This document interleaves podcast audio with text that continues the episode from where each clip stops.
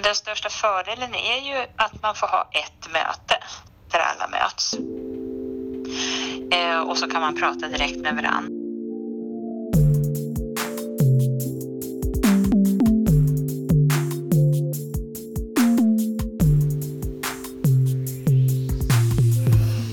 Hej och välkomna till det åttonde avsnittet av FoU-podden.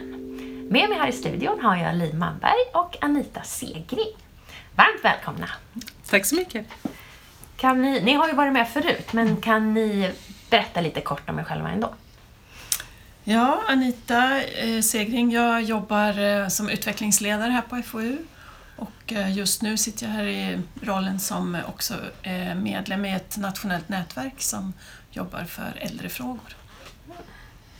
Och jag heter Liv Manberg och jag jobbar också som utvecklingsledare på FoU eh, och min inriktning är mer funktionshinderfrågor. Eh, och jag sitter här då lite grann för att jag har under ganska lång tid arbetat med frågor som har med samordnad individuell planering att göra. Ja, just det. För det är ju så här att det här avsnittet skulle ha handlat om placerade barn.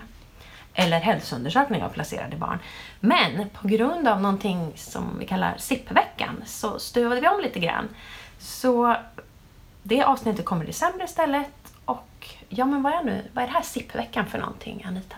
Ja, det är just utifrån det här eh, utvecklingsledarnätverket som SKL håller i. Eh, och man har sett att eh, nu när den nya lagstiftningen för en trygg och effektiv utskrivning har kommit igång så behövs det också satsas mycket mer på att även äldre får en samordnad individuell plan. Det är ju ett eh, arbetssätt som har funnits länge inom funktionshinderområdet men som nu också är viktigt även för äldre med ja, som har insatser både från socialtjänsten och hälso och sjukvården. Och man har ju sett under det här året som har gått med den nya lagstiftningen att det är svårt att få igång det här arbetet. Mm. Det är ett sätt att jobba som inte riktigt har funnits inom hälso och sjukvården förut. Och eh, därför vill man slå ett extra slag för det nu genom att göra reklam för det så att även äldre frågar efter den här tjänsten. Mm. Inte bara att personalen vet att den finns utan även de äldre ska känna att det här är viktigt för dem. Mm. Så nu kommer, vi att, nu kommer man alltså arbeta extra mycket just nu då i Ja, man vill liksom sätta fokus på den här frågan på olika sätt och eh, nationellt satsar man på då en vecka som startar då nästa vecka. Men vi i Sörmland har lite startsträcka så vi tänkte att vi försöker få till det här arbetet under slutet av november men också hela december. Mm.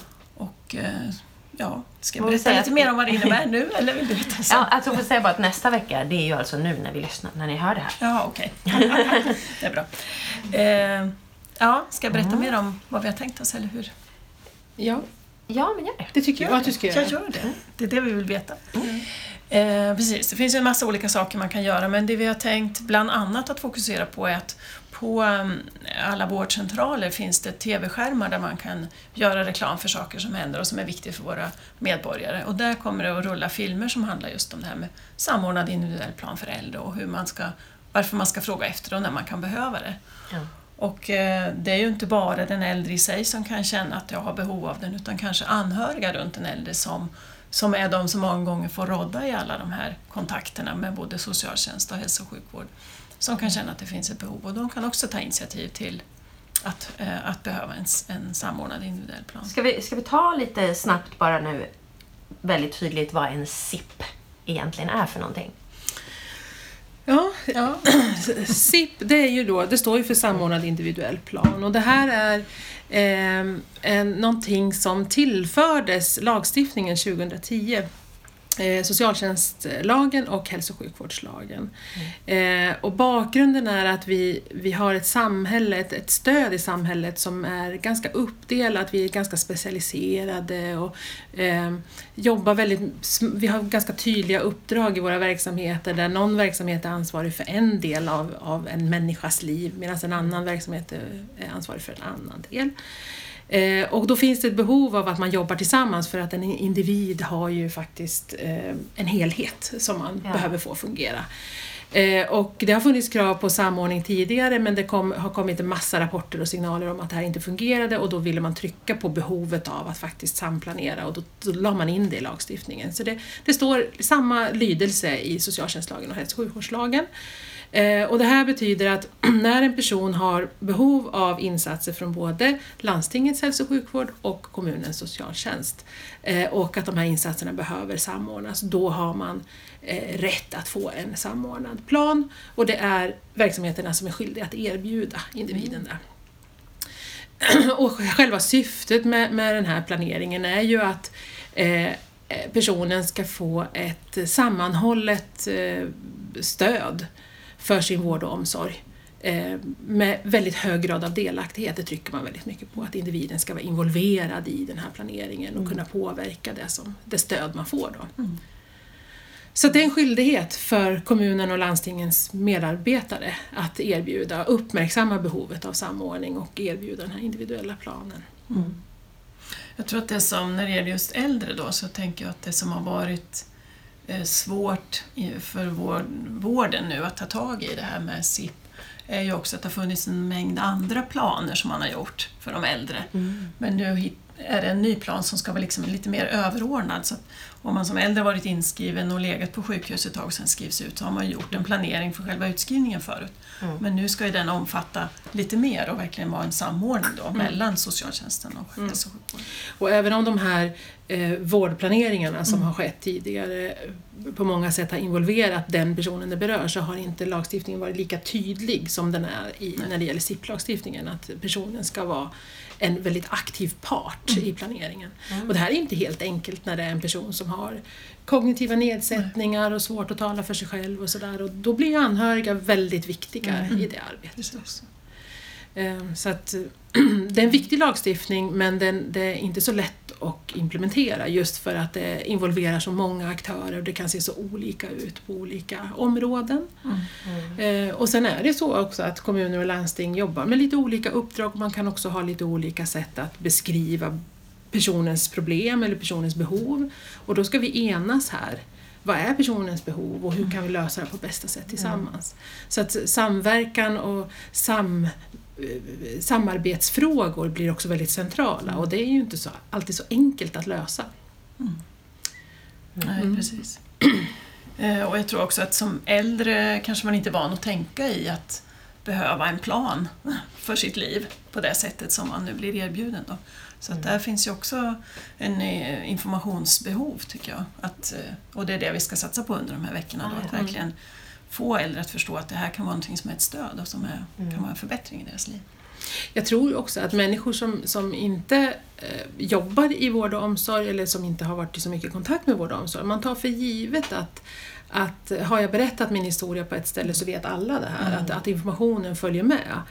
Mm. Eh, man kanske inte tänker så mycket på att det finns sekretesshinder och så vidare som gör att, att man många gånger måste upprepa sin historia.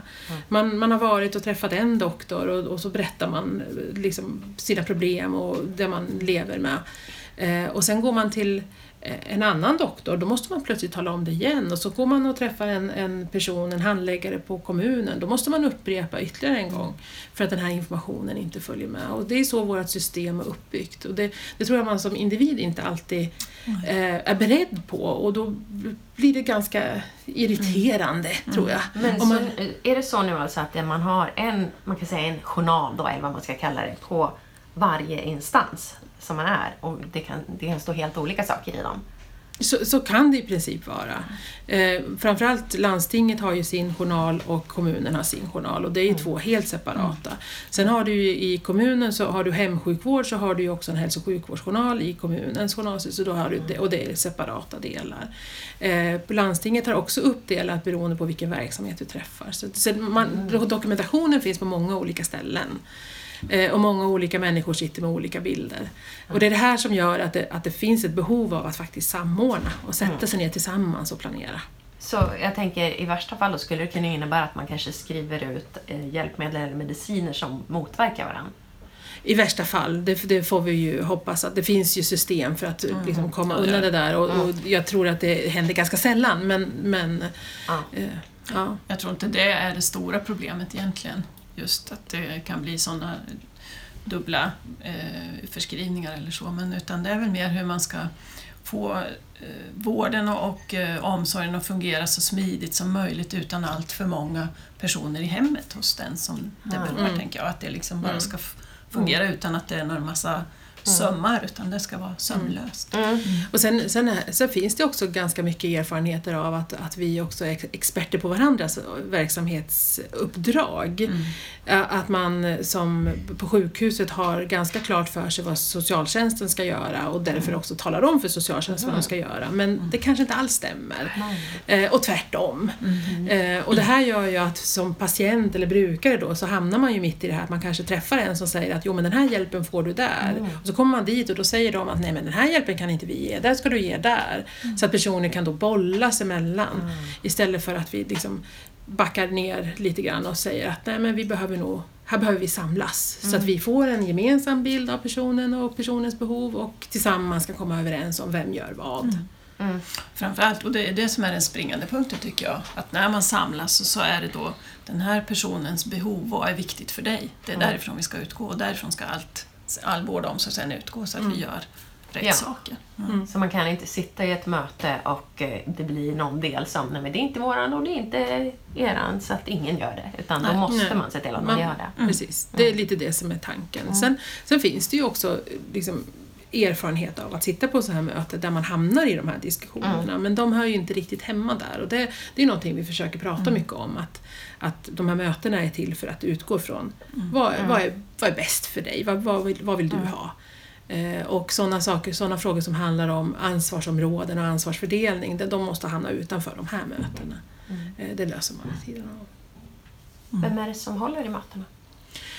Eh, det, kan, det är väldigt olika. Eh, Den som, eh, den som upptäcker ett behov av samordning är den som är ansvarig för att dra igång den här planeringsprocessen. Sen kanske inte alltid är den personen som håller i mötet se- sen då.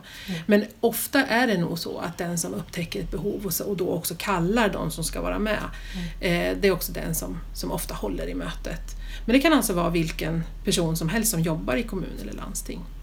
Jag har hört exempel där till och med brukaren själv har hållit i mötet och varit ordförande. Men då är ju det en person som, som liksom har förmågan att göra det också. Men tänk just när det gäller äldre så är ju en viktig person i samordningen kring äldre är ju att det finns en fast vårdkontakt på vårdcentralen.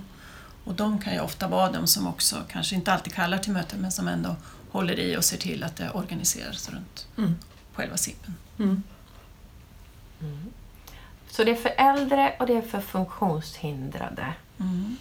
Det är för alla människor. Det för, kan vara relevant för vilken medborgare som helst som har behov av eh, insatser från både kommun och landsting samtidigt som de behöver samordnas. Eh, och det här kan ju vara så att för vissa personer, nu pratar vi om personer som, som är ganska självklara att de behöver eh, sam, insatser från många aktörer där, där det behöver samordnas. Det är äldre som är sjuka, har mycket olika sjukdomar kanske och får stöd i sitt hem. Eh, Det är då barn och unga till exempel, som eh, eh, inom sociala barn och ungdomsvården, familjehemsplacerade barn, barn som behöver stöd från BUP, eller barn med sjukdom eh, som har kontakter på barnkliniken och sen också har stöd i hemmet. Eh, och personer med funktionsnedsättning är ju också en grupp som har mycket, liksom, eh, många eh, behov som behöver många kontakter eh, komma in i. Då. Men sen kan det ju också vara personer som har ett missbruksproblem. Eh, personer med psykisk sjukdom. Det kan vara så att det, att det kan vara en person som är fullt frisk men som helt plötsligt får en sjukdom som gör att du under en viss period behöver ett eh, samordnat stöd. Mm. Eh, Så det kan vara, de här sipparna de kan se så väldigt olika ut beroende på personen det handlar om och situationen runt. Det kan vara väldigt många inblandade, det kan vara väldigt komplex problematik som ska lösas. Det kan vara väldigt få inblandade och ett, ett väldigt enkelt problem som ska lösas. Man kanske bara träffas en gång och sen gör en uppföljning, sen är det klart. Mm. Och ibland så kanske en SIP behöver finnas under väldigt lång tid Mm. kring en person. Så det, kan, det, det, det är lite svårt att förklara vad en SIP är på ett enkelt sätt för det kan, det, det kan vara så många olika saker. Mm. Men det handlar om samordning och då innebär det att de måste ha insatser från i alla fall två olika ställen. Mm. Lagstiftningen pratar om eh, landstingets hälso och sjukvård och kommunens socialtjänst. Mm. Sen har vi här i Sörmland också överenskommelse om att det gäller kommunens hälso och sjukvård, alltså hemsjukvård. Mm. Eh, att det också gäller skolan, Mm. eftersom det är en väldigt viktig aktör när det gäller barnen. Eh, sen har vi andra aktörer som är, som är inblandade, andra eh, organisationer och verksamheter som är inblandade på olika sätt. Eh, det kan vara Arbetsförmedlingen, det kan vara Försäkringskassan, det kan vara frivilligorganisationer, privata organisationer. Eh, och det, ser, det kan se väldigt olika ut kring den här individen. Men lagstiftningen pratar om de här två huvudmännen, landsting och kommun. Eh, men, men SIP kan liksom vara Mm. eh, mycket mera eller också mycket mindre. Vi, vi, vi säger att det är okej att kalla det för en SIP även om det är två verksamheter inom en kommun. Okej. För så kan det ju också vara, att man har två verksamheter inom en kommun eller två verksamheter inom ett landsting som behöver samordna sig. Ja. Det kan också vara en SIP. Men jag tänker att en viktig del i det här är ju också att den som, som planen handlar om ska också godkänna vilka som är med på mötet. Så att, Mm. Alltså personens delaktighet är central. Ja. Och då innebär det att man kan inte ha en samordnad planering om inte personen har godkänt det. Så ett samtycke måste finnas. Eh, och sen ska ju personen helst också vara med i förarbetet där man bestämmer eh, vilka ska vara med på mötet, vad ska vi prata om, eh, hur ska mötet ske, vart ska vi träffas. Eh, och sen ska personen helst vara med på mötet. Ibland är inte det möjligt för att det kanske är en situation som inte den här personen mår bra av att sitta i ett möte. Men så hög utsträckning som möjligt ska personen vara med. Och även i ett efterarbete som handlar om att återkoppla, vad sades på mötet, har vi förstått samma sak till exempel. Eh, Det tror jag faktiskt att man glömmer bort ganska ofta, att när, även om personen är med på mötet så är det inte säkert att man har uppfattat allt som har sagts. Och då behöver man ha en liksom, lite debriefing efteråt, så bara, vad, vad sa vi? Ja. Men sen resulterar ju själva mötet också i att det faktiskt blir en plan. Att det skrivs ner det vi har bestämt och sen så blir det Och en den, plan. den, den planen ska ju individen också ha möjlighet att, att ha. Ja. Eh, För det är ju individens plan och så ska liksom följa med sen då. Och sen ska det här alltid följas upp. Ehm, och det bestämmer man redan när man planerar. När, när följer vi upp det här och på vilket sätt? Mm. Vad, vad gör vi här på FoU i Sörmland? Eh, vi har ju jobbat, ehm, dels har vi, eh, har vi jobbat med ett projekt som handlar om barn och ungas delaktighet i SIP eh, och det var för några år sedan som vi jobbade med det. Sen har vi ju då eh, framförallt jobbat med eh, kurser och kompetensutveckling så vi har hållit en hel del kurser och vi har eh, varit ute på, i verksamheterna och informerat och pratat om SIP och försöka liksom öka kunskapen helt enkelt ute i verksamheterna. Eh, sen, sen, sen har det funnits behov av en del utvecklingsarbeten där vi försöker finnas med så mycket vi kan och när vi blir inbjudna. Det har varit både på nationellt håll och eh, på regionalt och lokalt. Eh, vi har varit med och tagit fram en, en informationsfilm Ja. riktad till barn om SIP. Ehm, och eh, vi har också varit med i utvecklingsarbete kring någonting som heter rutinkollen SIP som verksamheter kan använda för att kontrollera sig själva, hur, hur de arbetar med SIP. Eh, och det finns på SKL som man är nyfiken, ska man gärna gå in och Och titta där. filmen? filmen. Filmen finns också på SKL. Mm. Mm. Så att vi, vi, vi försöker att finnas med där vi kan eh, utifrån den, den kunskap och erfarenheten vi har och också det, det vi får från medarbetarna som deltar eh, på kurser och så. Där får vi ju väldigt mycket eh, kunskap, hur det funkar praktiskt helt enkelt. Mm. Och det använder vi ju och för vidare. Mm. Ja, och så har vi lite planerat också. Absolut. Ehm, vi har ju som sagt utbildat jättemånga människor i det här med SIP, eh, att ehm, hålla ett SIP-möte och skapa SIP runt eh, för de här kategorierna. Men ehm, eh, vi har ju också sett att det, det blir inte så många SIP just när det gäller äldre gjorda, så nu ska vi prova ett annat grepp. Och det handlar om att tillsammans med närvården utbilda utbildare. Alltså personer ute i varje verksamhet som ska själva kunna vara den, den stödfunktion som behövs för att verksamheten ska komma igång med sitt SIP-arbete kan man väl säga. Att känna att man kan luta sig mot någon kollega som är, är lite mer expert på det här och tänka kan du vara med nu för jag behöver kalla till ett möte eller jag ska hålla i ett möte. Jag skulle vilja att du är med och hjälper mig eller ja, drar upp planen så att jag får stöd i hur man gör. Ungefär så. Och det ska ske nu eh, i januari. Okej. Det blir en start för, för ett litet nytt sätt att, att jobba med, med kompetensutveckling. Eh, utveckling. Ja. Sen, sen här är vi också inblandade eh, i ett forskningsprojekt kring SIP.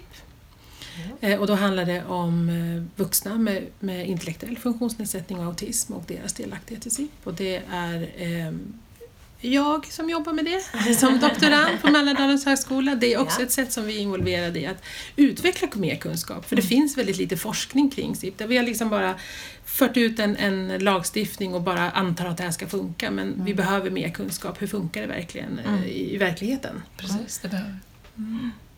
Och det beräknas ta... Ja, ganska lång tid eftersom jag gör det här på deltid. Men, men kanske lite resultat om ett par år. Ja, får vi då återkomma får vi då. återkomma då. Ja, men det är ju det som är det viktiga tänker jag också nu då, att vi måste ju också eh, få veta vad, eh, om de här planerna verkligen fyller en funktion för Mm. de här grupperna. Mm. Och det kan ju vara ett sätt att få igång eh, efterfrågan också när vi vet att det faktiskt fyller en funktion. Mm. Mm. Det väl bra. Mm. Jag heter Anna-Karin Otagurt och jag jobbar nu som biståndshandläggare inom LSS och socialpsykiatri i Trosa kommun. Eh, Och jag skulle prata lite om det här med vad som är positivt med SIP. Jag har varit med på väldigt många SIPar. Eh, Jag har tidigare jobbat inom habiliteringen eh, innan jag blev handläggare. Så sedan 2010 så, så har jag SIPpat allt vad jag kan. Eh, Jag tycker det är väldigt bra att många samlas på en gång. Man får höra samma sak. Eh, Man kan fråga direkt till de som eh, det handlar om. Om man får ha med till exempel Arbetsförmedlingen så kan man fråga dem. Vad är det för insatser ni har som, som vi skulle kunna dra nytta av eller finns det saker ni skulle kunna stötta med? Mm. Eh, nu är ju Arbetsförmedling och Försäkringskassa är ju inte tvingade att delta på SIP. Men ofta, om det, ofta ligger det i deras intresse också att ändå komma när man kallar. Så jag har upplevt att de ändå ganska ofta är med. Mm. Vil, Eh. eh, vilka är tvingade att komma? Eh, verksamheter inom kommun och landsting. Och där i Sörmland så har vi ju fått med skolorna, men det har jag ju förstått att det inte alltid är så. Eh, Så när, när jag tipsar om det här att även skolan kan kalla till SIP och så och då till de som är i andra eh, läns eller delar av Sverige så, så blir de väldigt förvånade. Och, ehm, så det hoppas jag att det är mer spritt än bara Sörmland för det är ju väldigt trist att, att skolan lämnas utanför även om man många gånger vill ha med dem om det handlar om elever. Ja. Sen tänker jag att det är bra att den enskilde får hjälp att få till de här mötena.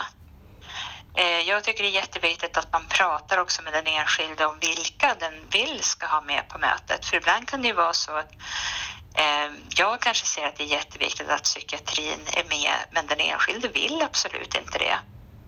Mm. Utan vill bara ha med habiliteringen till exempel. Då får man ju ändå, man kan ju försöka stötta, man kan lyfta fram vad som är positivt men att det måste vara den enskildes möte. Mm. Och att vi inte kan tvinga, tvinga dit att den ska godta folk som den inte egentligen vill ha med. Mm. Sen tycker jag också som professionell så kan ju jag ibland också tipsa om att jag kanske tycker då att till exempel psykiatrin ska vara med när den enskilde inte har tänkt på det och så kan man prata om varför och så kanske man ja men det blir en bra idé, bjud in dem också. Mm. Den största fördelen är ju att man får ha ett möte där alla möts. Eh, och så kan man prata direkt med varann. Något som jag upplever ibland som lite negativt det är att, att folk tänker att man är väldigt låst vid att bara ha uppföljningar vid SIP. Mm. Så då vill vissa ha upp, då vill de liksom träffas varannan vecka för att ha SIP. Istället för att förstå att men jag i skolan kan prata med den enskilde om det jag jobbar på med. Vi på habiliteringen kan prata med den enskilde om det vi jobbar på med. Och sen möts vi upp om tre månader för att se vart vi har kommit i de olika delarna. Mm. Och, och så tänker jag att SIP är tänkt att, att fungera. Att det är mer ett, ett stöd på vägen, inte hela vägen. Mm. Eh, och sen är det ju ofta en fördel också att det blir ett nytt möte bokat i slutet av ett SIP-möte. För det är ju tanken att man ska veta när uppföljning sker. Mm. Det tycker jag också är väldigt bra. För må- många tycker att det är svårt att veta när det är dags att träffas igen. Det kanske ligger på den enskilde att ta den kontakten. Det är jag själv som ska ringa min och kalla ihop till ett möte eller eh, se till att jag får till den där tiden hos läkaren och så, och så blir det inte av för man får inte liksom till det. Mm. Här är det redan bestämt att det är nu vi ska vi träffas om två månader det här datumet. Mm. Så det tycker jag är bra också. Sen brukar jag prata med personen själv om att förbereda sig inför mötet. Ibland kan det vara med, med att det blir väldigt många personer och att det är svårt för den enskilde då att eh, kanske våga prata om allting man vill ta upp. Och att man glömmer, det gör man ju i ett vanligt möte. Man kanske sitter med sin läkare och sen om man då är på ett möte där det kanske är fem, sex personer eller ännu fler med så blir det svårare att hålla fokus och komma ihåg vad man vill ha sagt. Och att det då är viktigt att kunna förbereda sig och skriva ner det man vill ta upp på mötet så man inte glömmer någonting. Och just det här att det är så, eh, kan se så olika ut.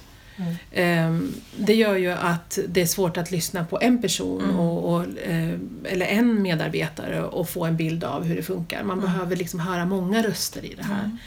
Eh, och vi har ju några stycken som, som vi har tänkt ska, ska dela sina erfarenheter. Åh, vad bra. Ja, så vi hoppas att, eh, att de kan bidra lite grann med att visa hur, hur, vilken bredd det finns och hur man kan eh, tänka kring SIP. Jag heter Emelie Holmström och jag jobbar som barnutredare i Katrineholms kommun på socialtjänsten.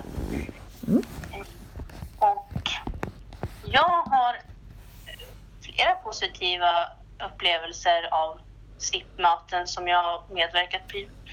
Och eh, bland annat så eh, vid ett tillfälle, vi hade fått kontakt med en pojke som inte gick i skolan. Han hade kontakt med BUP. Eh, så han hade svårigheter på flera håll. Eh, där eh, vi sammankallade till en sitt där vi såg att det fanns många instanser och han stod även i kö till habiliteringen. För det fanns misstänkta diagnoser kring honom men han var aldrig utredd. Mm. Så vi sågs tillsammans med habiliteringen och BUP, socialtjänsten, skolan och mamma var det då. Eh, Pojken ville inte medverka men han var också medbjuden. Eh, Och mötet blev jättebra, det blev tydligt för mamman som, vilka som kunde göra vad. Eh, Och efter vårt möte då valde även habiliteringen att prioritera honom i deras, i deras lista. Mm. Så han blev utredd ganska snabbt efter den här SIP, SIPen som vi hade. Eh, så han fick ju rätt till sina, eller han fick sina rättigheter tillgodosedda då efter att han hade blivit utredd och fått sin diagnos. Mm. Så den SIPen ledde ju till något väldigt bra, måste jag säga. Mm. Jag heter Zuhal Özarslanner, jobbar i socialtjänsten i Katrineholms kommun eh, och eh, jag utreder barns behov. Alltså jag är ba- barnutredare. Eh, och jag har många positiva upplevelser av de SIPar som jag var med kan jag säga. Och en, en, ett gott exempel som jag varit med sist var en pojke som hade eh, ADHD, eh, hade sociala problem, hade problem på fritid. Eh, och det funkade inte. Det, det var hög frånvaro. Mm. Och sen elevhälsan kallade till en SIP, skolan, vi, socialtjänsten och eh, eh, BUP samlades. Och eh, vi gjorde en plan, delade ansvar. Eh, alla gör, alltså, tog, tog sitt ansvar i Ah. mötet. Eh, och eh, vi, alltså efter det vi har gjort två, tre uppföljningar och eh, efter varje, alltså på uppföljningar man ser vilken skillnad, vilken utveckling den här, den här pojken har gjort. Alltså, det är alltid man ser framstegen på de uppföljningar Mm. för att alla eh, tar sitt ansvar för att det ska bli bra för den här pojken. Ja. Om vi hade inte den här möjligheten, alltså att kalla till sig på alla professioner, samlas och eh, dela ansvar, det skulle blivit eh, gjort vårt, vårt jobb jättesvårare.